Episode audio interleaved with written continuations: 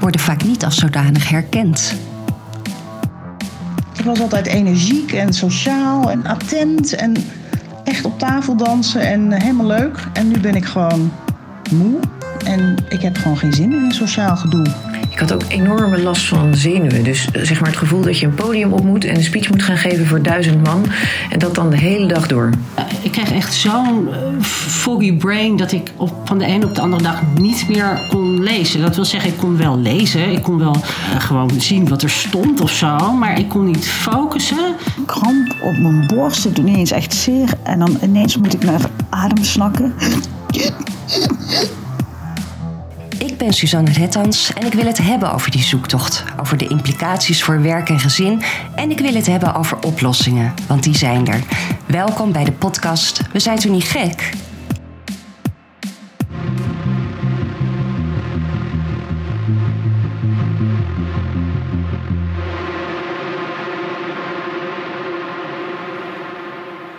Welkom bij de vierde aflevering alweer van We zijn toch niet gek, die ik maak in samenwerking met het H3-netwerk. Vorige week vertelden we al dat het H3-netwerk is ontstaan nadat psychiater Sandra Kooi en cardioloog Janneke Wittekoek elkaar ontmoetten op een ADHD-symposium. En daarachter kwamen dat er een veel grotere relatie tussen ADHD en hartklachten bestond dan zij dachten. En daar willen ze graag aandacht voor vragen.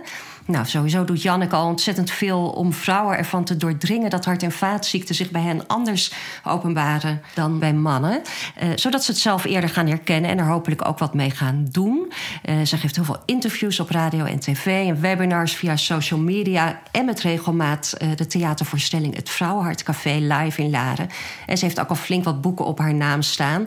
Kortom, ze heeft dat vrouwenhart echt op de kaart gezet. Dus laten we daar ook maar mee gaan beginnen. Waarin verschilt het vrouwenhart van het mannenhart? Voornamelijk om wat nou de verschillen zijn. Dat zit hem enerzijds in uh, dat er een verschil is in risicofactoren en impact van risicofactoren. Uh, we hebben vrouwspecifieke risicofactoren. Dus vrouwen die zwangerschapscomplicaties hebben gehad, zoals hoge bloeddruk, hoog cholesterol. Nee, niet hoog cholesterol, sorry. Ja, zwangerschapsvergiftiging. Uh, zwanger, ja, ja, dus dat is zwangerschapsvergiftiging, hoge bloeddruk, maar ook uh, zwangerschapsdiabetes. Mm -hmm. Als ik naar op zoek. maar ook het hebben van miskramen of moeilijk zwanger worden. Dat zijn allemaal al in eerste instantie aanwijzingen dat er mogelijk iets niet goed is met de werking van bloedvaten, om het maar even breed te houden. Migraine is een belangrijke risicofactor bij vrouwen. Uh, overgangsklachten is een belangrijke risico voor vrouwen. Dus er is een heel scala aan, aan uh, risicofactoren die anders zijn. En dan de, de, het belangrijkste, en waar ik ook het meeste onderzoek naar doe en het meeste in gefascineerd ben, is de, uh, het, het proces van aderverkalking. Dus het onderliggende proces waardoor die vaten slechter worden. En je ziet dus bij mannen die risicofactoren hebben heel vaak een dichtslibbingspatroon, om het zo maar even te zeggen, wat heel uh, obstructief is. Dus je ziet in één kant van een bloedvat dat daar een soort van cholesterolbult in ontstaat, waardoor de bloedtoevoer belemmerd wordt en waardoor je vaak inspanningsgebonden klachten krijgt. Vrouwen kunnen dat overigens ook hebben hoor. Dus dat is, je zit natuurlijk altijd, heb je allerlei mengvormen. Mm -hmm. Maar bij vrouwen gaat dat, als ze risicofactoren hebben, gaat die, dat hele proces van atherosclerose of aderverkalking gaat niet zozeer op één plek een soort bult vormen. Maar overal, en met name ook in de kleine bloedvaten rond het hart, zie je dat proces erger worden. Dus ze hebben overal een klein beetje aderverkalking, wat helemaal, in de, helemaal over de hele diameter van dat bloedvat. Waardoor ze langzaam ook een beetje het bloedvat gaan. Dat, die worden gewoon nauwer. Maar je ziet het minder goed op je beeldvorming, omdat het heel gelijkmatig gegeneraliseerd dichtslipt. Waardoor vaak ook die vaatfunctie dus gestoord raakt. Hè. Dus die, die, op het moment dat het bloedvat moet verwijden, doet het dat niet voldoende. Op het moment dat het weer zich wat moet vernauwen, dan doet het dat ook niet goed. En dat geeft dus ook een heel ander klachtenpatroon. En eigenlijk is de behandeling ook anders. Dus als je zegt van wat is nou anders aan het vrouwenhart? Uh, anatomie is hetzelfde, daar houdt het ongeveer op. De risicofactoren zijn anders, de impact van risicofactoren zijn anders, de, het onderliggend ziekmakende proces is anders en de behandeling moet anders. En eigenlijk is de diagnostiek ook anders. Ja. ja. En ook tot slot Vrouwen zijn veel gevoeliger voor eh, medicijnen, dus ze reageren ook anders op medicijnen. Er is ook nog te weinig onderzoek naar gedaan. 60% van de vrouwen heeft last van bijwerkingen. Dus ook daar hebben we nog een terrein te winnen. Ja, want die medicijnen zijn allemaal getest op mannen. Grote toch? groepen mannen, Grote- veelal. Ja. Ja. Omdat, eh, eh, de- omdat vrouwen heel lang ge- uitgesloten zijn van wetenschappelijk onderzoek. Omdat eh, die hele hormonale cyclus zo'n... eh, de, de, de, de onderzoeksresultaten een beetje in de war schoppen. Ja, Dus- want dat is het wrangen. Dus wij worden eigenlijk Ja. behandeld als kleine mannen, wat we natuurlijk Ja. helemaal niet zijn. Nee, nee, nee. Dus we worden uitgesloten vanwege die hormonale... En die hormonale veranderingen zijn ook eh, ja, een grote Ja. boosdoener. Ja. Ja. Ja, en het fascineert mij nog steeds tot op de dag van vandaag. Het is voornamelijk een beetje de vrouwenbeweging die daar, die nu een soort van, nou ja, moet ik dat zeggen, als je heel activistisch bent, daar een soort gelijk in wil. En dat is ook heel goed. Er moeten ook meer vrouwen geïncludeerd worden. Maar wat ik zo raar vind, is dat we niet veel eerder in, in allerlei bazaal wetenschappelijk onderzoek, zowel mannen als vrouwen, niet. niet geïnteresseerd zijn geweest in wat de rol is van onze cyclus op, eh, op ziekte. Dat, we dat, dat we dat stelselmatig hebben genegeerd, gewoon in onderzoek met mannelijke proefdieren. En dat ook geen mannelijke onderzoekers of wat dan ook ooit hebben gedacht van het is toch interessant om eens te kijken van wat doet die cyclus dan? Het is natuurlijk ontzettend ingewikkeld, snapt ook wel. Ja, ik zou het een enorme uitdaging vinden. Ik kan er niet nog meer bij hebben nu, maar ik, eh, Ja. maak me, ik zorg in ieder geval dat, eh, dat daar nu meer aandacht voor komt. Ja, nou ja, misschien dat mannen daar gewoon of niet zo in geïnteresseerd zijn geweest. eh, en en eh, ja, wat ik merk aan de, aan de reacties van vrouwen is dat zij toch nog steeds, zowel bij de huisarts eh, als als ze dan eens een verwijzing krijgen, worden ze toch een beetje als hysterisch gezien. Ja, maar dat is, dat, nou ja, dat is onderdeel van de hele missie. Is dat, dat, en daar speelt natuurlijk die hormonale cyclus een hele belangrijke rol in. Ehm, is dat vrouwen krijgen eigenlijk nooit goed een diagnose. Dus we, we kijken naar allerlei orgaansystemen. Dus die huisarts die zal op een gegeven moment eh, drie keer heel diep zuchten. Oké, nou dan ga je. Nou, oké, nou, nou, maar je gaat toch niks vinden bij de cardioloog. Of waar, waar die moet ook echt wel leuren om. eh, en dan gaan ze naar al die orgaanspecialisten en die zeggen allemaal: nee hoor, je hart is prima, eh, mooie bloedvaten, eh, ja, je, je buik is goed, je hoofd is goed, alles is goed.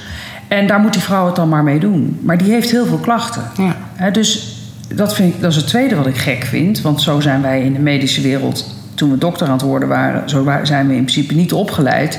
Dat je zomaar zegt: Ja, ik weet in ieder geval wel wat het allemaal niet is. Het is in ieder geval niks ernstigs. En eh, succes ermee. Ja, en dan zit het tussen de oren. Of, Dan moet ja. je er vooral niet te druk over maken, terwijl klachten heel invaliderend kunnen zijn. Ja. En dat is ook een, eh, belangrijk eh, eh, aandachtsgebied in mijn eigen kliniek. Ik ben daar voor het ziekenhuis uitgegaan. Kijk, die overgang kan een heel, hele eh, vervelende invloed hebben op het hart als. eh, door, door wisselingen van hormonen. Bijvoorbeeld dat je nare hartritmestoornissen krijgt. En dat is vaak ook, hangt dat ook weer samen met dat je slaap niet helemaal goed is. En, je moet het gewoon heel holistisch bekijken.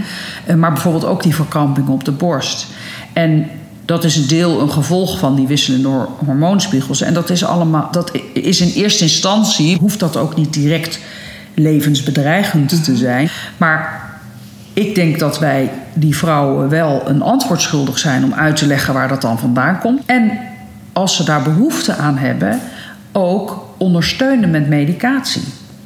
Wij, wij, wij nemen een paracetamol als we hoofdpijn hebben. De huisarts schrijft een cremmetje voor als we een uitslag hebben op de arm. Ja, het is allemaal niet zo erg, maar je kan er wel last van hebben. En als jij dus als vrouw komt van... ik heb echt zulke aanvallen van pijn op de borst... en dan vliegt mijn hart op hol...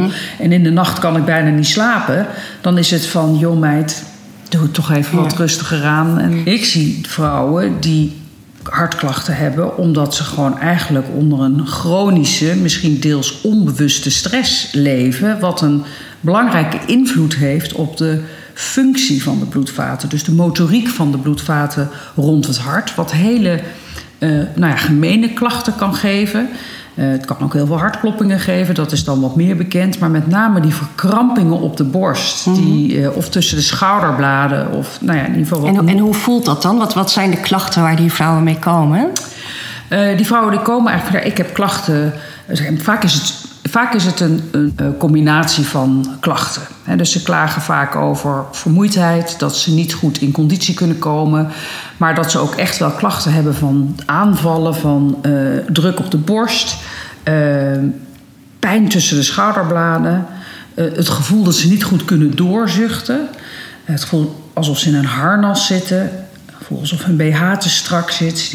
Alles moet uitgegooid worden aan het eind van de dag. En, nou, dus een beetje het gevoel van luchttekort.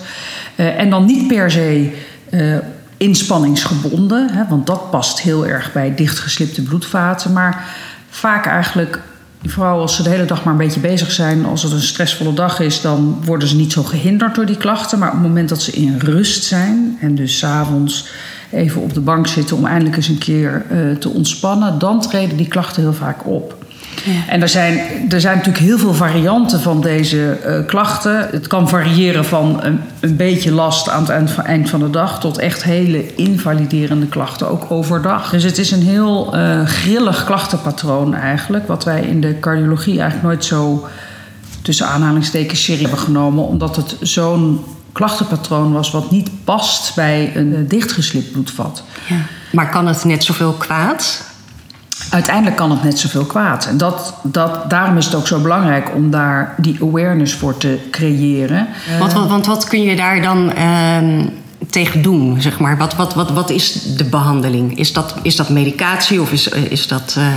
Ja, dat is. eh, Kijk, we, we- we, praten over persoonlijke geneeskunde. hè. We, we moeten ook praten over persoonlijke preventie. Dus dat is heel erg afhankelijk van de patiënt die tegenover je zit.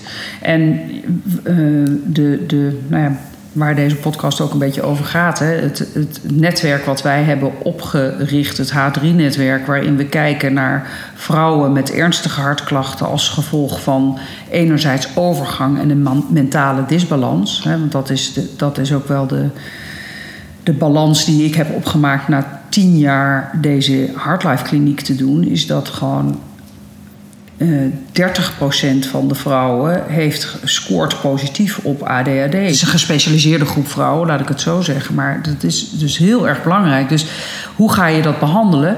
Dat kan dus zijn afhankelijk van als zij slaapstoornissen hebben omdat ze 35 opvliegers in de nacht hebben, dan wordt, is een deel van de behandeling is hormoonsuppletie. Dat doe ik in samenwerking met Dorenda. Dat was ook het eerste.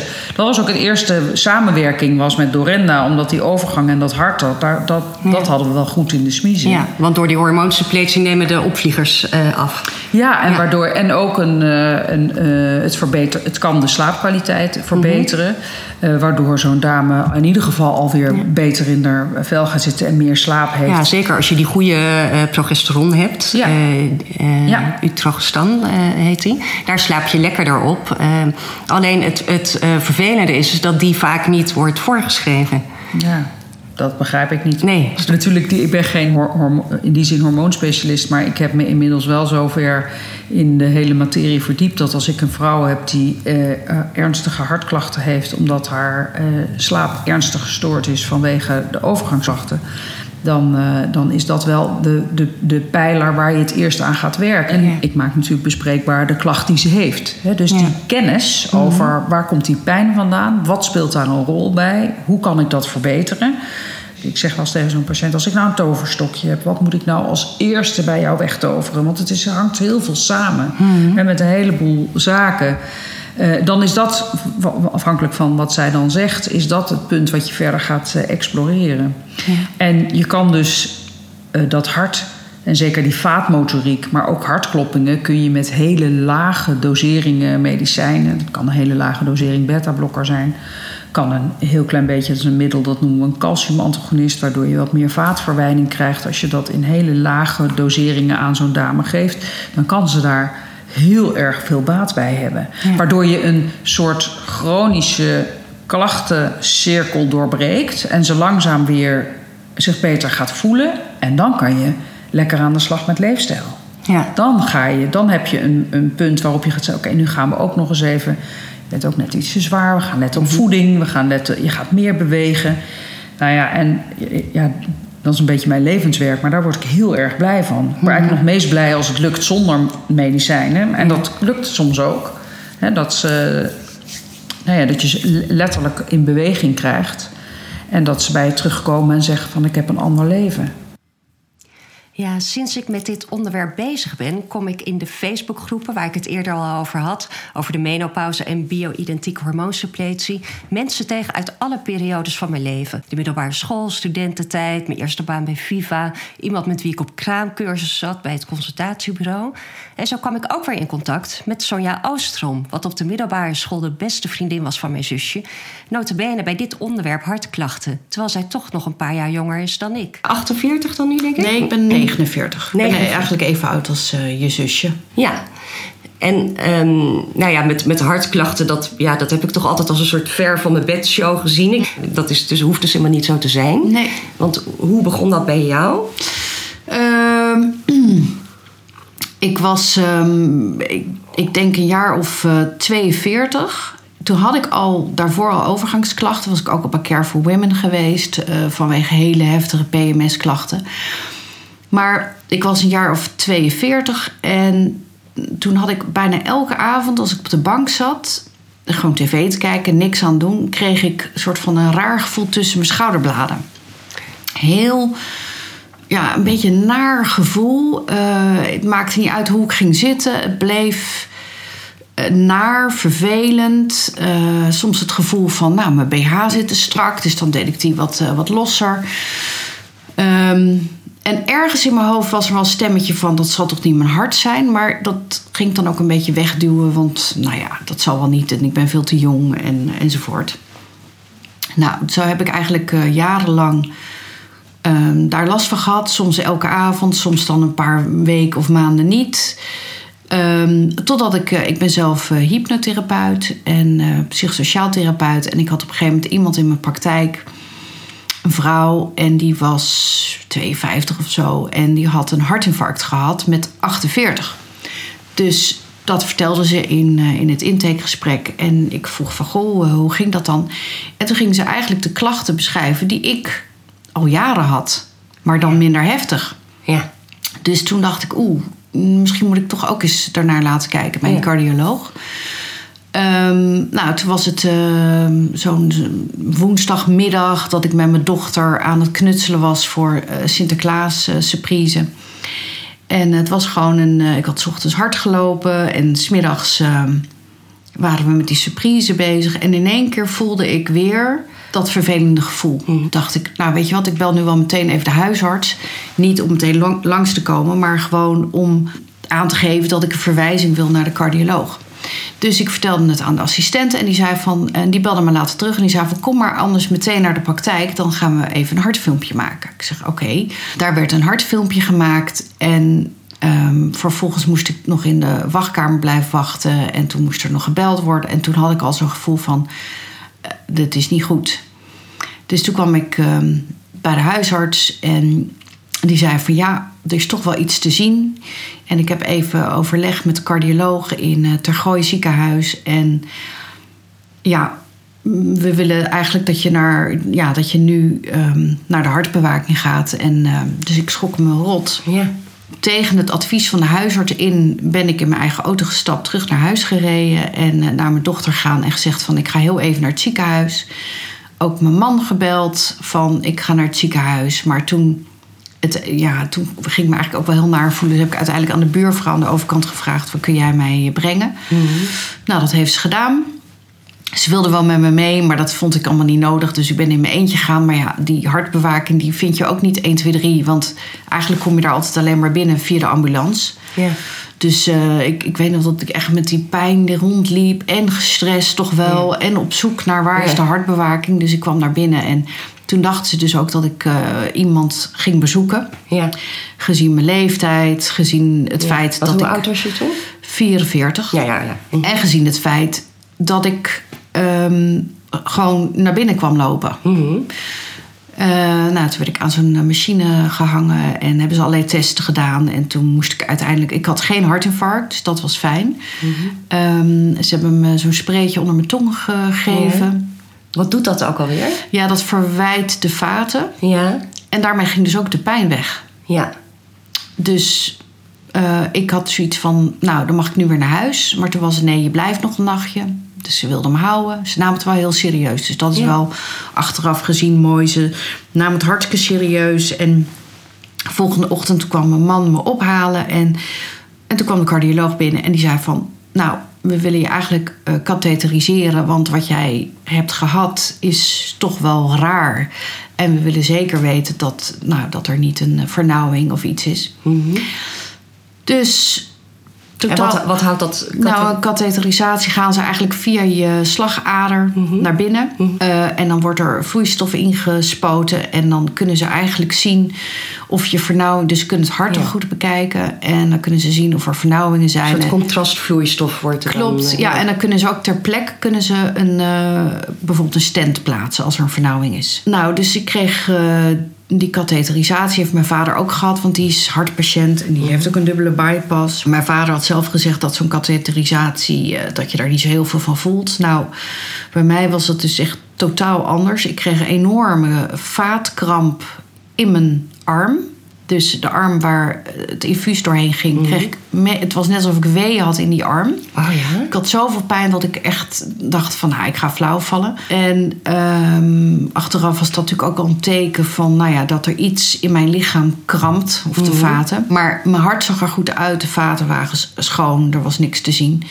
Dus dat was in ieder geval goed nieuws.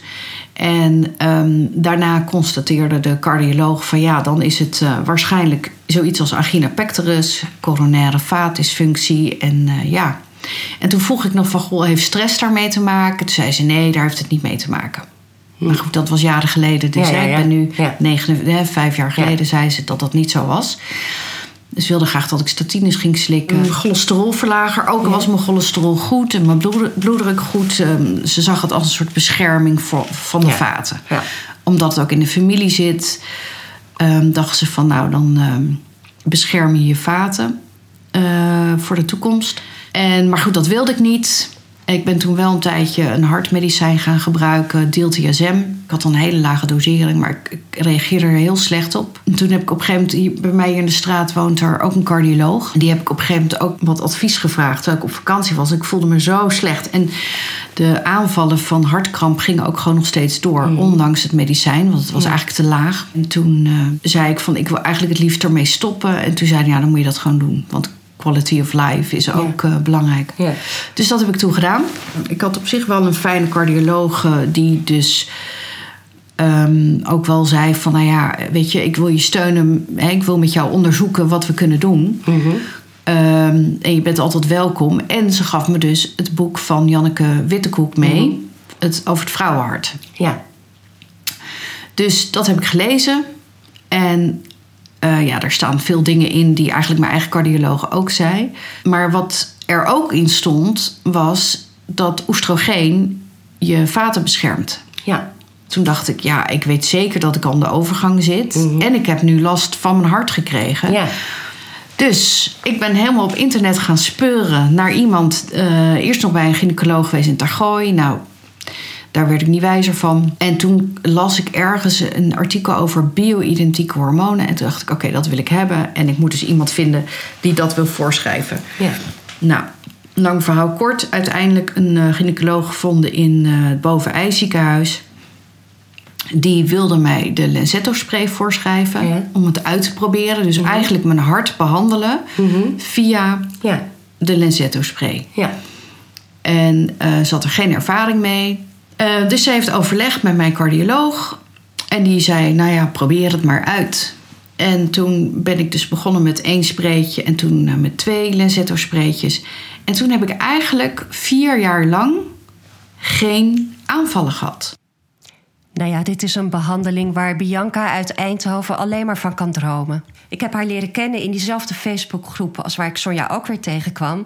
En ja, haar verhaal is echt wel heel erg schrijnend. Zij loopt nu al acht jaar rond met angst- en paniekklachten... en heeft zulke erge hartkloppingen dat ze nou al een paar keer de ambulance heeft laten komen. Ik sprak haar telefonisch ehm, even voor om, eh, om te kijken wat haar verhaal was. En ehm, ja, dat is niet met een hele goede kwaliteit eh, opgenomen. Eh, het idee was dat ik haar daarna nog zou gaan interviewen, maar ehm, dat is niet meer gelukt. Ze is ook eventjes heeft ze in het ziekenhuis gelegen. En eh, nou ja, we moeten het hiermee doen, maar het geeft een mooi voorbeeld van hoe je als vrouw tegen de grenzen aan kan lopen van onze gezondheidszorg. Ik heb heel erg angst gehad en paniekaanvallen. ook eigenlijk sinds die paniekaanvallen heb ik eigenlijk al heel mijn leven af en toe. Maar Ehm, ik denk een jaar of tien geleden, nee, een jaar of acht geleden werden ze veel erger. En uh, toen had ik van die rare dingen namelijk. Toen had ik uh, dat ik gewoon, zoals nu met jou zit te praten, en ineens heel, dat mijn hart echt super snel ging. Maar echt heel hard, wel 180 of zo. Ik heb altijd al migraine gehad voor. Um, mijn menstruatie. Dus toen ik jonger was, een jaar of twintig. Heel lang is dat weg geweest. En um, afgelopen vijf jaar of zo is die weer voor elke menstruatie teruggekomen, die migraine. En um, vorig jaar is dat zelfs drie maanden achter elkaar zonder stoppen heb ik die migraine gehad. Toen ben ik naar een neuroloog gegaan. En die zei, uh, oh, dat is echt heel hormonaal. Uh, ik denk dat de menopauze eraan zit te komen. Dus ook weer hetzelfde verhaal. Die angsten die, um, die zijn zo erg geworden, die, die, die hartklachten die ik had, of die totale paniek die me ooit overviel. Ik had ook vaak ineens het gevoel alsof ik uh, in een achtbaan zat, bijvoorbeeld. Dan kreeg ik zo'n kriebel in mijn lijf, zo'n zo adrenaline schok of zo. Ja. En uh, dan ging mijn hart heel hard. En um, ja, heel beangstigend is dat. Dus daardoor ging ik dingen ontwijken. Dus ging ik bijvoorbeeld, ik durfde niet meer goed weg alleen met mijn kind, omdat ik bang was dat ik het dan zou krijgen. En uh, dat ik een klein jongetje bij me heb, zeg maar. Mm. En um, daardoor ging ik dingen ontwijken. En toen ben ik bij de GGZ terechtgekomen. En die hebben wel wat um, G-schema's of andere cognitieve therapie dingen erop losgelaten. Maar het ging maar niet weg. Ik zei, het, het is fysiek. Weet je wel, ik voel dat het fysiek is. En, en, en nu, uh, ja, het is gewoon een denigrerend iets. Dan ga ik naar de huisarts en dan zeg ik, nou ja, goed, ik denk uh, nu dat het aan mijn hormonen ligt. Het zou zoveel verklaren met alles waar ik al zo lang mee loop. Ik ben altijd, elke dag ziek, zwak of misselijk. Dan heb ik weer migraine. Dan weer um, pijn daaronder. Dan heb ik um, tegenwoordig ook die nachtelijke zweetaanvallen. En dan weer dit. En zij zei van ja, ik ga het je niet voorschrijven hoor, want uh, ik kan je niet goed genoeg daarin begeleiden, want uh, je bent instabiel. En, ze wilde dan ook niet doorverwijzen? Zij wilde wel doorverwijzen naar mijn gynaecoloog. Maar zij zei, ik weet helemaal niks van hormonen, ik kan je daar niet goed in begeleiden. Dan moet je gewoon via de huisarts uh, doen, er is een protocol voor en die kan je gewoon begeleiden. Dus ik dacht, nou ja, weet je, ik ga... Um, overgangsconsulentes, dan ga ik die vragen. Want die hebben er ook verstand van. Dus ik heb er één uh, gebeld en uh, heb ik een afspraak gemaakt. Heb ik gevraagd, zijn mijn klachten bij aan de overgang? Dan was het gewoon zeker. Uh, zij zei ja. Nou goed, en toen heeft ze mij het een en ander uitgelegd. Het was echt een heel fijn gesprek, zoals het duidelijk en helder. En zij zei, alleen ik kan niks voorschrijven. Zou ik je wel aanbevelen om hormonen substitutietherapie te doen. En um, toen heeft zij een brief daarvoor naar mijn huisarts uh, gemaakt, naar mij gestuurd. Moest ik naar mijn huisarts sturen, dat heb ik gedaan. En toen kreeg ik gewoon het antwoord: uh, ja, die schrijf je niet voor. Dus um, ik heb al acht jaar klachten en nog niks helpt. En uh, ik, ik, ik zie gewoon aan haar dat ze denkt: oh, nou is het weer dit. Nou denkt ze weer dat het hormonen zijn. Ik zei, het houdt verbinding met elkaar. Ik heb gelezen, ik doe mijn eigen huiswerk. Ik heb ADHD. Ik heb al heel lang die, die hartklachten die, die als, als ik acuut word meegenomen door een ambulance omdat mijn hartfilmpje niet klopt. Want dat was gebeurd. Hè. Ik, ik heb in zo'n aanval heb ik de ambulance gebeld. Die kwamen langs. Er was een afwijkend hartfilmpje. Die hebben me meegenomen. Kom ik op de eerste harthulp. En uh, dan zegt zo'n uh, cardioloog gewoon: Oh, is prima filmpje hoor voor een vrouw van jouw leeftijd. Dan gaan bij mij uh, nou achteraf alle, ballen, alle bellen rinkelen natuurlijk. Ja. Um, dus ik heb een verwijzing nu gevraagd naar een cardioloog om verder te kijken naar het vrouwenhart en naar hè, wat doet er met die menopauze en die perimenopauze en met die ADHD waar ik over lees. En zij, uh, ja, zij rolde nog net niet met haar ogen. Ze zei, wat wil je nou?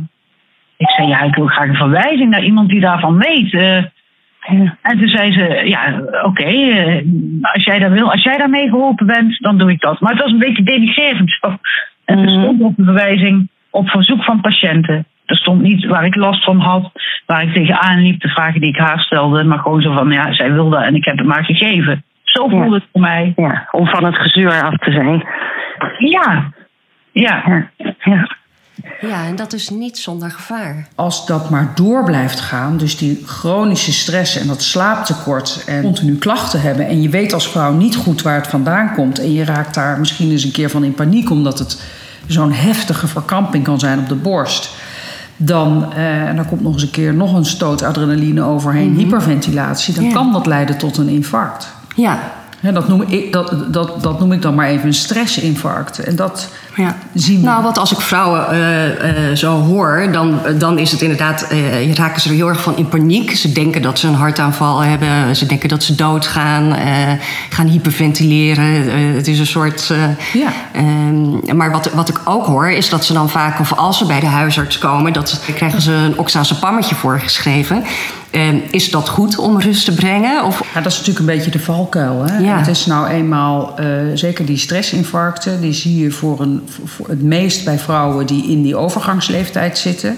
Eh, dat is overigens ook de leeftijd waarop eh, mentale diagnoses, zoals waar, waar we mee begonnen, ADHD, vaak pas naar boven komt, omdat dat weer samenhangt met het, het, het, het, afnemen van de oestrogeenspiegels in, het, in het bloed. Ehm, en het zijn dus eigenlijk voor hart- en vaatziekten nog relatief jonge vrouwen. En dus als zij met dat soort klachten bij de huisarts komen, dan wordt er dus niet meteen gedacht aan een hartprobleem. Eh, en wordt het vaak inderdaad een beetje afgedaan als van nou, het is, het, het is overgang. Nou, dat is voor een deel waar, want het heeft ook te maken met die wisselende oestrogeenspiegels. Maar ehm, als je dus niet, als je dat niet serieus neemt en je gaat ook niet ehm, de onderliggende risicofactoren die zo'n vrouw vaak heeft, als je die niet gaat behandelen, dan heeft ze een eh, drie tot vijf keer hogere kans om binnen twee jaar een echt infarct te krijgen op basis van een dichtgeslipt bloedvat. Dus het, die gestoorde vaatmotoriek is vaak een, een, eh, gecombineerd met een beetje aderverkalking, eh, wat het gevolg kan zijn van verstoring van risicofactoren. Dat is, dat is een beetje de gevarenzone. Hè, gecombineerd met klachten die al vanuit stress komen of, of eh, vanuit wisselingen met hormonen. Maar dan, het probleem daarmee is dat vaak die, en die vrouwen, die, nou, als je vaak genoeg bij de huisarts komt met pijn op de borst, gaat hij op een gegeven moment natuurlijk wel een keer bloeddruk meten en, eh, en, en cholesterol meten. En dan zie je dat deze vrouwen vaak van al die risicofactoren een klein beetje hebben. Ze zijn vaak net een beetje te zwaar, wat soms ook het gevolg is van de overgang. Eh, je ziet een verslechtering van het cholesterolgehalte, wat ook het ge- gevolg eh, vaak is van eh, het verliezen van oestrogenen. De bloeddruk kan gaan stijgen. Nou, die kan ook gaan stijgen op het moment dat je gaat inboeten op slaap. Wat ook weer een gevolg kan zijn. Slaapstoornissen met overgangsklachten. Dus als jij bij een vrouw met klachten van pijn op de borst... even ongeacht of het nou eh, een hartprobleem is of een maag of weet ik wat... ik denk dat we dat we die, de alertheid moeten creëren, dat dat een heel belangrijk signaal is om bij zo'n vrouw eens even goed te kijken naar wat heeft ze voor risicofactoren en hoe kan ik die verbeteren. ja. En dat, da- daar gaat het vaak, want het is van alles maar een beetje. En die klachten, ach ja, nou ja, als je diagnostiek doet, ga je het niet vinden op je hartfilmpje of op de eh, CT-scan die je maakt, valt allemaal reuze mee. Eh, en ondertussen zijn ze wel bezig eh, zich naar hun eerste hartinfarct toe te werken. Ik wil niet heel dramatisch doen, maar ik, daarom vind ik die quest die ik heb om dat vrouwenhart beter te maken, denk ik van eigenlijk komen die vrouwen heel vaak in beeld in de medische wereld, rond 50, omdat ze allerlei klachten hebben, waaronder ook klachten van pijn op de borst of hartkloppingen. En dat moet het moment zijn waarop je tussen aanhalingstekens agressief aan de slag gaat met die risicofactoren. En natuurlijk hoort een stukje stressmanagement daar ook bij. Hè, dus dat is ook, eh, want stress is natuurlijk niet goed voor je slaap en noem het allemaal op. Maar kijk, Het gekke is dat bij mij werd er niet eens gezegd dat het wel met stress te maken had. Cardioloog die, die, die zei meteen al nee, dat heeft niks met stress te maken. Terwijl, nou ja, ik als hypnotherapeut weet hoe ontzettend goed het lichaam reageert op, ehm, op gedachten, op emoties en dus ook zeker op stress. Ja. Ja. Dus ik vond dat best wel een rare opmerking. Maar Ja. goed, ik zelf ehm, deed in mijn praktijk ook al eh, mindfulness met mijn cliënten. Dus dat ben ik toen in die periode ook heel erg op mezelf meer gaan toepassen. En dat werkte ook wel heel goed. En achteraf denk ik ook wel dat ik heel veel stress had in die tijd. Ik, ik heb drie kinderen, twee zijn nu de deur uit. Maar in, hè, dus laten we zeggen, vier, vijf jaar geleden had ik iedereen nog thuis. Ja, heerlijke kinderen, maar ze hebben alle drie ADHD. Ik denk ook dat ze dat van mij hebben. En er, er was gewoon best wel veel mee aan de hand. Dus het was gewoon een druk gezin. Ehm, uitdagende problematiek met de kinderen. Twee honden. Een man met een drukke baan. En dan had ik zelf ook nog een drukke praktijk. Dus het was achteraf gezien... Nu denk ik van hoe heb ik dat kunnen doen? Ja. Nou ja, elke avond dus op de bank met kramp. Ja, ja, dus ik denk dat stress zeker een, eh, een grote rol speelt. ja. ja. En dat je daar dat daar echt wel mee om moet leren En gaan. slapen, hoe ging dat? Ehm, Want dat schijnt ook zo'n hele belangrijke factor te zijn. Ja. Nou, ik, mijn hele leven heb ik eigenlijk een eh, inslaapprobleem gehad. Dus eh, als klein meisje ook kon ik niet goed inslapen. En ehm, nou, vervolgens hebben mijn kinderen dat dan ook. Dus die sliepen, zelfs toen ze klein waren, heel vaak niet voor twaalf. Dus op een gegeven moment ben ik ze melatonine gaan geven, een hele lage dosering. En dat werkte bij hun heel goed. En op een gegeven moment ben ik dat zelf ook gaan gebruiken. En eh, ja, dat werkt bij mij dus ook goed. Dus ik, moet ik moet zelf melatonine nemen, want anders dan is mijn hoofd te druk Ja, om. ehm, ja. Nou, Sandra Kooi zei dat ook in de vorige aflevering. Dat dat, ehm, en zeker met eh, mensen met ADHD, die gaan, ja, die gaan gewoon laat. Dat wordt te laat aangemaakt. Als je echt al om zeven uur, volgens mij zeven uur, eh, daarmee kun je ja, die je klok vervroegen, zeg maar. En sowieso is het heel verstandig omdat, omdat je dan gewoon beter gaat slapen. Ja. En slapen ligt toch wel de, aan de basis eigenlijk Ja. eh, van gezondheid. ja, want ik dacht vroeger altijd dat ik weinig slaap nodig had, omdat ik maar weinig sliep. Ja, En toen ik eenmaal overging op eh, de, de melatonine en ook overging op de hormonen, toen zag ik van hé, hey, ik kan ook gewoon prima zeven of acht uur slapen. Terwijl ik vroeger, Ja. ik denk altijd een uur of zes sliep. Dus ik, ik Ja. heb gewoon jarenlang slaaptekort gehad. ja, ja. En het is dus best wel triest eigenlijk als je daar zo over nadenkt. Dat je daar dan zo laat achter komt dat het ook anders had gekund. Dat je gewoon wel. Hè, en Ja. slaaptekort heeft ook weer eh, meer kans. Hè, dan kun je ook weer meer kans krijgen op hart- en vaatziekten. Vorig jaar, november, tijdens het sporten, in één keer kreeg ik last. Ik werd duizelig, ik kreeg heel veel pijn op de borst, weer tussen mijn schouderbladen. Uitstralend naar mijn linkerarm. Ja, je voelt je dan echt gewoon heel, heel slecht. En dat was voor het eerst in vier jaar. Dus ik schrok, ja, schrok me dood. En, ehm, en vanaf dat moment had ik eigenlijk bijna elke dag weer een aanval. Als ik al met de hond ging wandelen, kreeg ik last. Ehm, ik werd soms s'nachts midden in de nacht wakker. Van, eh, dan droomde ik dat ik ehm, in elkaar werd geslagen of gestompt op mijn borst. En dan werd ik wakker. En dan realiseerde ik me dat ik dus weer kramp had. Dus dat ik heel veel pijn had eigenlijk. En dat dan in mijn droom verwerkte. Dus nou, weer bij de cardioloog geweest. Deze keer bij een kliniek. Die ook een fietstest, echo, allemaal dat soort eh, onderzoeken opnieuw. Had ik al eerder gehad. Nou, daar kwam dan toch wel uit dat, ik een, dat er iets afwijkend was. Eh, en ze wilden eigenlijk dat ik een stresstest ging doen. Dus eigenlijk een aanval opwekken. Een soort katheterisatie en dan een aanval opwekken. Ik had al gelezen ehm, dat het best wel een pijnlijke, vervelende test is. En dat daarna eh, je ook niet andere medicatie krijgt. Dus ja, je weet dan precies wat er gebeurt tijdens een aanval. En dat ze dat dan kunnen zien.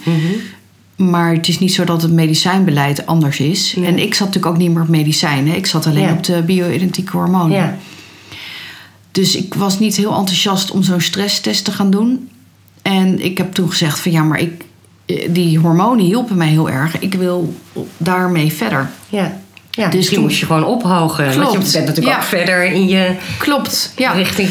Dus ik ging ehm, naar drie spreetjes, eh Lenzetto. En ehm, nou, ik merkte niet echt heel veel verschil. Bleef toch wel wisselen. Ook wintersport weer veel last. Eh, op mijn hotelkamer gelegen met pijn. En ehm, toen ben ik bij toch ook weer een keer opgehaald door de ambulance meegenomen. Op de hartbewaking weer gelegen. En toen ben ik doorverwezen via de eerste hulp naar een, eh, weer een nieuwe gynaecoloog. En die zei meteen al van nou, hoog maar op naar vier. Of misschien nog beter, overgaan op pleisters. Ja. Ehm, Ja, want de Lenzetto, dat is, eh, je hebt inderdaad de pleisters, gel en spray.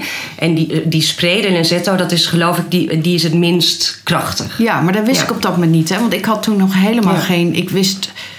eh, ik had daar helemaal niet in verdiept. Mhm. Ehm, ik heb hè, zoveel jaar geleden Lenzetto eh voorgeschreven gekregen. En daarna nooit meer ermee bezig. Want ik gebruikte het en het was gewoon Was goed. Ehm, toen ging ik over op vier spreetjes. En toen kreeg ik in één keer eh, allerlei rare klachten. Uh, ophogingsverergeringsklachten Ja. bleken achteraf.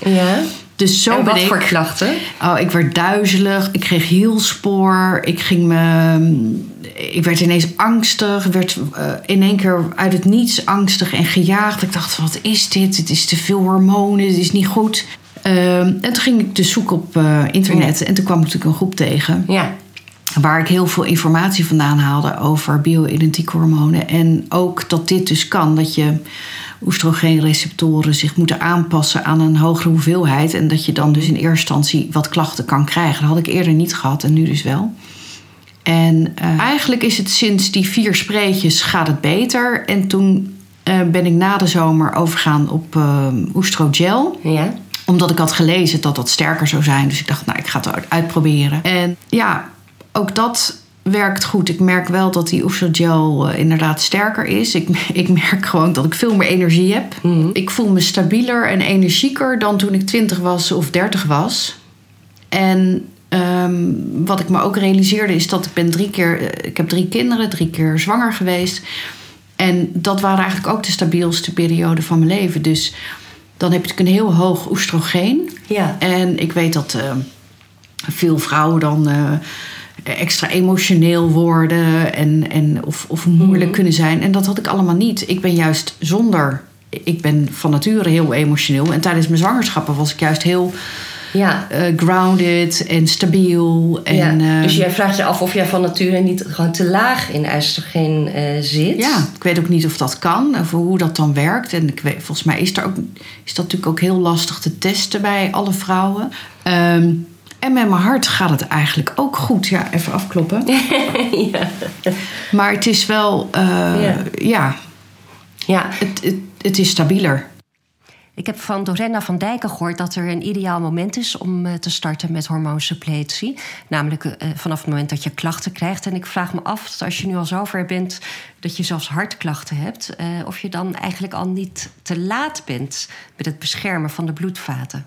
Ja, dus dat, is, uh, dat, dat heb ik dan ook weer van Dorenda geleerd. Dat uh, als je echt vroegtijdig in de overgang komt... Mm -hmm. hè, dus echt, ik geloof dat die grens ligt uh, voor het 40ste levensjaar... Mm -hmm. 140ste levensjaar is dan al echt... als je dan al geen oestrogeenproductie meer hebt... Mm -hmm. dat het dan eigenlijk zelfs een soort van noodzaak is... dat je ja. hormoonsuppletie gaat krijgen... met name om die botontkalking tegen te gaan... en ook om hart- en vaatziekten te voorkomen. Er is op een gegeven moment, komt er naarmate je ouder wordt, hè, dus als je wel gewoon in die 50 uh, al begint met, uh, uh, dan, dan is het, kun je die, die hormonen, um, zeker hoe jonger je bent, en als je het ook nog gewoon geeft transdermaal, ja. hè, dan is dat, is dat heel veel nut, met name voor overgangsklachten. Je gaat het vaak in die, als je dus wat ouder bent, dan geef je het vaak niet met als argument van het is hartvaatprotectie. Het doet wel, het doet zeker wat. Hè, zolang mm. jij nog de receptoren hebt van die, want die zitten in de vaatwanden waar die, mm-hmm. dat oestrogeen op moet gaan zitten. Maar ja. die, die ga je langzaam verliezen naarmate ja. je die overgangen ingaat. Uh, dan, dan uh, op een gegeven moment, als je die receptoren niet meer hebt en je geeft alleen nog maar oestrogeen. Oestrogeen is natuurlijk is een hormoon, bestaat voor een groot deel uit uh, cholesterol. En dat kan uiteindelijk ook weer een beetje bijdragen aan aderverkalking. Ja, ja, ja. Dus als je dat heel lang geeft, aan, uh, en zeker op het moment dat de vaten kwetsbaarder worden, ook voor die aderverkalking, bij vrouwen vaak boven de 60, uh, dan, moet je, dan, dan moet je een goede reden hebben. Uh, er worden natuurlijk wel heel veel onderzoeken gedaan. Dat is eigenlijk jouw vraag die je stelt en die ik zelf ook wel heb. Is van, ja, maar als we het nou toch eerder geven... Mhm. zolang we die, als we onze oestrogeenreceptoren nog Ja. hebben... dan nog zonder dat we al te veel klachten hebben. Nou ja, ik denk dat dat eh, een heel interessant onderzoeksveld is. Als een, dan, dan, maar dan zit het waarschijnlijk meer in de anti-aging en eh, in, in, natuurlijk ook wel gewoon in, in, in eh, je heel erg goed voelen. Ik, er, de studies worden gedaan, daar is nu nog geen. Ik, heb, ik weet dat in ieder geval niet, of dat, eh, maar dat, dat zou je wel zeggen. Ja, dat is natuurlijk een hele interessante gedachte. Wat kan hormoonsuppletie eh voor je doen qua preventie? En het is iets waar we volgende week over verder gaan hebben. Eh, nu nog even het hart. En, en ehm, wat nou als je weet, eh, ik heb een aantal risicofactoren. je hebt bijvoorbeeld eh, last van migraine, eh, je hebt zwangerschapsvergiftiging gehad en je hebt ook best een hoge bloeddruk. Wat, zijn, waar moet je dan nu, wat, wat moet je doen? Oké, nou komen we. Ja. Nou wordt het talking. Ik ben een groot voorstander, en dat is ook een beetje mijn slogan: ken je getallen. Know your numbers, ook een beetje overgewaaid vanuit, vanuit Amerika. Daar is dat ook al veel groter. Maar eigenlijk moet iedere, ieder mens, we hebben het nu over vrouwen, maar het liefst gewoon zo, zo ergens in je. En voor mijn part, als je 20 bent, gewoon weet nou gewoon eens wat je cholesterolwaarden zijn, wat je bloeddruk is. Je- we weten allemaal of we wel of niet roken. Dat is een belangrijk eh, ding wat je vooral niet moet doen. Dat getal moet nul zijn. Eh, we, eh, we zijn allemaal bezig met gewicht. weten vaak precies wat, hoeveel kilo we zijn en wat onze body mass index is. En waarom? Omdat, je, da- omdat dat een risicofactor is die je aan de buitenkant ziet. Hè? Maar alles wat er meer binnenin zit, wat niet zo duidelijk meetbaar is, maar wat wel een hele belangrijke rol speelt in hartgezondheid, dat meten we niet. Dus ik, ik, en gelukkig wordt het al makkelijker met de wearables en met eh, bloeddrukmeters. Die, die, eh, die zijn nu ook mak- makkelijker te koop. Vroeger moest je er natuurlijk allemaal voor naar een, eh, naar een huisarts. Tegenwoordig kun je ook eh, cholesterol laten meten bij de betere drogist. Dus laat gewoon eens een keer die, die waarde. En hoe, hoe eerder je die meet, ook al heb jij nog helemaal nergens last van, dan eh, hoe, hoe vroeger je wel al een beetje daaraan kunt werken. Dat je hoeft, dan hoef je ook. Kijk, op het moment dat je klachten hebt en je gaat dan een bloeddruk meten die te hoog is en een cholesterol wat te hoog is, ja, dan is er meteen heel erg werk aan de winkel. Eh, en het zijn vaak wel risicofactoren die zich voor een groot deel door leefstijl laten verbeteren. Dus dan word je automatisch, het zijn natuurlijk spiegels van gezondheid. Dus dan word je langzaam een beetje ja, ge- eh, ge- ge- geduwd naar wat gezonder gedrag. En toevallig net die risicofactoren die jij noemt, zoals hoge bloeddruk tijdens de zwangerschap, de pre, echte pre-eclampsie, dat is echt wel een, in die zin een gemene, want dat heeft niet zo heel veel te maken met, eh, met gewicht, eh, alcohol, eh, slecht slapen, noem het op. Dat is echt vaak wel een genetische aanleg, waarbij je dus een, een grote kans hebt om hoge bloeddruk op latere leeftijd te ontwikkelen. Dus Ja. die vrouwen. Die moeten zeker, en ik geloof dat het ook wel vanuit de medische praktijk ook wel gebeurt nu, dat ze in de gaten worden gehouden. Vroeger was het zo, nou het kind is, is, het, is geboren en eh, de bloeddruk is weer goed, dus eh, geen nazorg meer nodig. En nu worden ze volgens mij wel beter in de gaten gehouden. Mocht dat niet zo zijn, natuurlijk meet die bloeddruk. Ja, maar en door wie word je dan in de gaten gehouden? Ja, door eh, huisarts. Ja, dus de huisarts, die, eh, dat is in principe, de huisarts heeft natuurlijk zijn, zijn, dat, dat, zijn spreekuur voor cardiovasculair risicomanagement, CVRM, een beetje duur woord. Eh, maar die eh, weet een beetje de risicomensen in zijn eh, praktijk. Ja. En dan is het zeker, hè, maar goed, dat, dat, Maar, maar als dat dan blijft en je hebt een hoge bloeddruk, moet je dan naar de cardioloog? Nee, eigenlijk zou de huisarts dat moeten behandelen. En dat, ge- dat gebeurt nog te weinig. Ja, het is niet om ze, ik wil ze even, maar ik, dat, dat heeft er ook een beetje mee te maken dat, eh, dat de, de protocollen, vrouwen van 50 met een eh, hoge bloeddruk, dan zit je volgens de eh, risicotabellen zit je in een groen blokje. Dus je, je, en dat is een laag risico. Nou, dat klopt, want je bent nog relatief jong. Als je tien jaar wacht, dan zit je in een, in een rood blokje en dan begint die, dan, dan is dat een behandelgrens. Terwijl Ja. ja, ik heb daar, daarom haat ik protocollen eigenlijk Ja, ook. ja. Vind ik dat je het heel individueel moet bekijken. En vind ik dat helemaal niet acceptabel als je een hoog cholesterol of een hoge bloeddruk hebt, dat er al direct aan gewerkt moet worden. Ja. En zeker al is het alleen maar die. En zeker als je dan nog een dame hebt van eh, tussen de 40 en de 50 die een hoge Mhm. bloeddruk aan het ontwikkelen is. Terwijl ze een zwangerschapshoge bloeddruk heeft gehad of een Ja. pre-eclampsie. Dan mag je niet zeggen van oh, maar je hebt het veel te druk met je kinderen en je werk. Je moet het even rustig aandoen. Dat moet je goed in de gaten houden. Eventueel 24 uur metingen. En dan moet het gewoon behandeld worden. Ja, ja. Ehm, want ik had inderdaad en zwangerschapsvergiftiging. eh, en ik zit nu altijd op de 140, 145, 90. Ja, zit je wat aan de hoge kant. Hè? Ja. Dat kan ook. eh, je ziet ook wel dat is, ja, die hele bloeddruk is gewoon een ontzettend belangrijke risicofactor voor vrouwen. Zeker. En die moet gewoon eigenlijk 120-80 zijn. Ja. Dus wij zijn al best wel eh, coulant om te zeggen van 140-90 is nog normaal.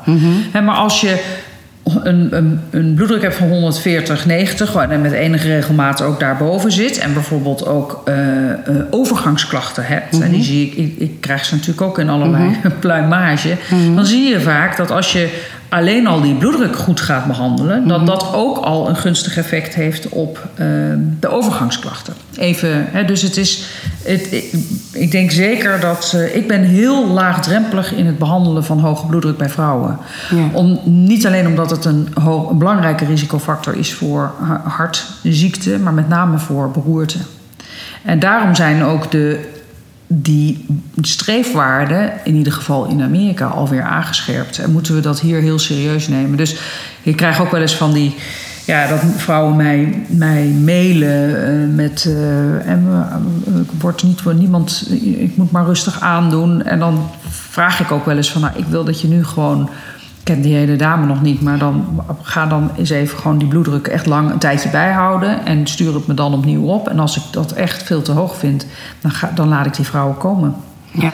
ja, want wat ook nog eh, zo is, eh, als we het hebben over de vrouwen waar jullie ook binnen het H3-netwerk sterk voor maken, dus met, met bijvoorbeeld ADHD of andere psychische klachten, dan, dan heb je vaak eh, medicatie. Ik heb eigenlijk toen ik rond de 40 was, die, eh, nou dat hele open zenuwgevoel, heb ik venlafaxine gekregen. Toen ik een jaar, nou ja, toen ik 50 werd, twee jaar daarvoor, kon ik me echt niet meer concentreren en ik kwam eigenlijk niet meer aan te werken, vo- volkomen uitgeblust. Nu heb ik Elvanse erbij. Allebei is bloeddrukverhogend. Ja. Nou, als dat, dat is zo. En die, die middelen, die, dat is afhankelijk van... eh, die, dat is een, is inderdaad een mooi voorbeeld van een, ge- van een gecombineerde, geïntegreerde behandeling... die ik ook met eh, Sandra Kooi natuurlijk heb... is dat die medicamenten die jij hebt voor het mentale stuk... die zijn gewoon heel erg belangrijk. Hè? Dus het is ook... Als jouw bloeddruk daar een beetje van gaat stijgen... Hè, dat is zo- dan, en maar een beetje van gaat stijgen, maar je zit nog binnen de normaalwaarde, dan kun je dat accepteren. Als je continu daarmee boven de normaalwaarde zit, ja, dan ontkom je er niet aan om, eh, om dat dan bij te behandelen. Ja. En daar heb je soms heel weinig voor nodig. Hè? Maar het is ook, ook, er wordt, het is ook echt een fabel dat eh, vrouwen of men, dat je geen last hebt van een hoge bloeddruk. Daar heb je echt, dat, de vrouwen hebben daar wel last van. Ja, ja. Die kunnen daar moe van worden, die kunnen daar hartkloppingen van krijgen, die kunnen er slecht door gaan slapen. Dus het is alleen maar verbetering, het is sowieso natuurlijk voor hele vaatgezondheid, om die bloeddruk, weliswaar weer met hele kleine lichte Mhm. doseringen. En dat zijn dan met lichte doseringen beta-blokkers, doe je Nee, dat? ik, dat nou, niet? dat, dat, nee, niet direct een beta-blokker. Maar dat is een beetje afhankelijk van eh, wa- wat er allemaal nog verder aan klachten zijn. We hebben vijf typen bloeddrukverlagende middelen, waarbij één eh, type medicament zit. Dat noemen we de ACE-remmers, die ook echt een heel gunstig effect hebben op vaatmotoriek. Dat zijn ook middelen die bijvoorbeeld voorgeschreven worden om migraineaanvallen te voorkomen. Dus dat zijn, eh, eh, ja, dat is de, het is niet een ACE, maar een A2-antagonist. Nou, in ieder geval een categorie bloeddrukverlagers. Ehm, waarbij je dus ook bijdraagt aan het verbeteren van vaatelasticiteit. Dus als je iets in het kader van preventie Ja. is, zou dat middel, tenzij je bijvoorbeeld ook heel veel last hebt van hartkloppingen, want dat doen sommige psychofarmaca natuurlijk ook, dat die hartslag heel erg omhoog gaat als je heel gejaagd gevoel hebt. Dat zou een argument kunnen zijn om eh, dan wel richting beta-blokker te gaan. Maar als dat niet zo is, dan heeft het medicament wat ook echt wat doet, hè, Ja. dus ook wat echt bijdraagt Ja. aan verbetering. En dat doen die cholesterolverlagers ook. Dat zijn eigenlijk de enige twee geneesmiddelen die echt letterlijk beter maken. Die Ja. beter die vaatmotoriek verbeteren. Ehm, dat zijn, de, ik zeg altijd, het beste anti-aging voor je vaten. Dus daar, eh, Mhm. die, die, die eh, zou, die zou ik dan voorschrijven. Ja. En hoe heette dat? Nog één keer ACE? A2-antagonist. Ja. ja. En bij die cholesterol zit daar nou nog iets bij? Wat, eh, Nou, dat zijn gewoon de statines. Dus dat, die zijn we natuurlijk wel bekend. Die hebben het, staan natuurlijk in een ont- ontzettend eh, negatief daglicht. eh, Mhm. omdat ze veel bijwerkingen kunnen geven. En dat is ook waar. Ze kunnen echt een hele vervelende bijwerking hebben. vo- Voornamelijk bij vrouwen op het spiermetabolisme. Dus ze kunnen er veel spierpijn van krijgen. Sommige vrouwen klagen over dat ze daar heel erg van gaan dromen. Dat het hun nachtrust verstoort. Dat ze eh, daar, of maag-darmbezwaren. Dus daar moet je heel erg alert op zijn. Hè? Dus dat is, eh, eh, daar is ook heel lang gezegd van... oh, dat kan helemaal niet, want dat, dat kennen we niet. Maar he- er zijn heel weinig vrouwen meegenomen in, in eerder wetenschappelijk onderzoek. Ehm, dus daar, daar, ook hier geldt dat je dat heel laag moet doseren. En er zijn bepaalde statines die, die goed getest zijn bij vrouwen. En als je die bij gestoorde vaatmotoriek en een, een persisterend te hoog cholesterol inzet, dan, eh, dan, ben je, dan doe je het qua preventie heel erg goed. Ja, ja. Maar ehm, eh, ja, je wenst dan natuurlijk iedere vrouw een cardioloog zoals eh, jij. Ik merk op dat forum dat heel veel vrouwen gewoon echt niet meer weten waar ze heen moeten. Want die worden, ja, bij de huisarts worden ze echt als, als hysterisch en debiel gezien inmiddels. En dan worden ze dus daar naartoe verwezen en daar. En dan denken ze kan een hormoonsuppletie iets doen.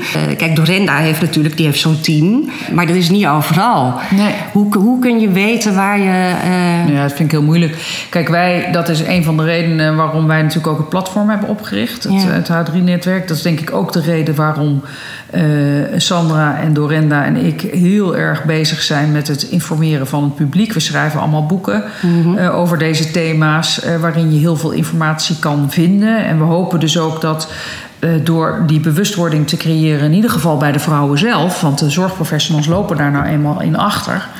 Eh, dat is rot om te zeggen, maar het is wel zo. En jij be- be- bevestigt dat ook doordat die vrouwen heel vaak ook het gevoel hebben van ik weet niet goed hoe ik naar, waar ik naartoe Ik heb sommigen huilend aan de telefoon gehad. Ja. Dat die gewoon. Dus ik heb echt het gevoel dat ik, dat ik dood ga. Ja. Nee, ik, ik vind dat ook een lastige, want we kunnen niet allemaal naar, eh naar Dorinda of Nee, nee, naar. nee. Eh, ehm, nou ja, ik denk toch dat het, dat het eh, zeker als je, eh, als je gewoon jezelf in ieder geval goed informeert, dat je al wat meer beslagen ten ijs komt bij, om het gesprek aan te gaan, misschien Ja. met je huisarts. Ja. En dat je, weet je, ik denk ook dat dat allemaal wat serieuzer moet. Dat je ook een beetje als, ja, ik, ik noem het maar een beetje em- empowerment, wat ik ze dan nu geef, is gewoon van laat je niet afschepen. Zeg dat het een heel, dat je gewoon naar een, een, een, specialist wil of iemand eh, die, die daar misschien meer van weet, omdat je je echt gewoon niet goed voelt. Ja.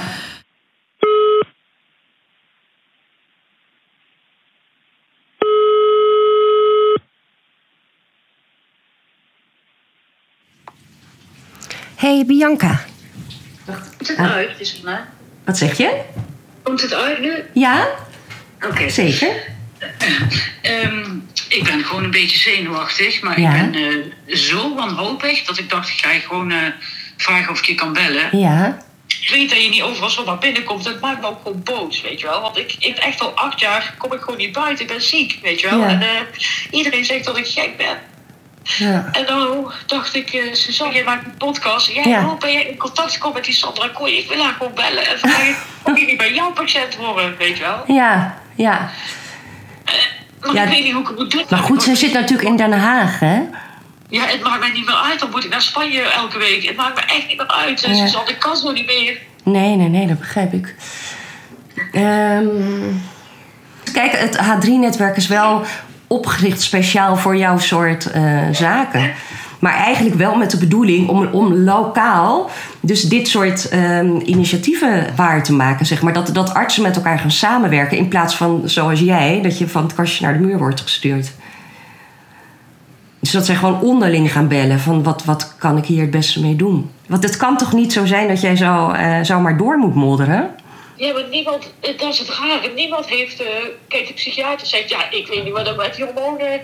Je lijkt wel heel gevoelig daarvoor. En dan zegt zo'n gynaecoloog, ja, maar, maar ja, ik heb ook niet heel veel ervaring met mensen die zo eh, negatief. eh, snap je? Ik Ja. zit de hele tijd een beetje tussen wal en het schip. En Ja. ik heb wel podcast geluisterd, maar ik moet eerlijk zeggen, die met Sandra Kooi. Maar ik Ja. moet eerlijk zeggen dat ik hem heb afgezet na een kwartiertje of zo, omdat ik ik word er zo verdrietig van ook allemaal, want je hoort het allemaal wel dat het allemaal wel kan. Alleen ik weet niet hoe. En Ja. eh, eh, toen dacht ik van, eh, waarom kom ik zo iemand niet tegen? Ja. En dan wil ik daar, misschien kan ik vragen of mijn psychiater me naar haar verwijst, ook al heeft zijn wachtlijst. Als ik weet dat ik over een half jaar geholpen word, dan dat maar. Weet je ja. Ja, ja. ja. Ik ga ehm, kijken wat ik voor je kan doen.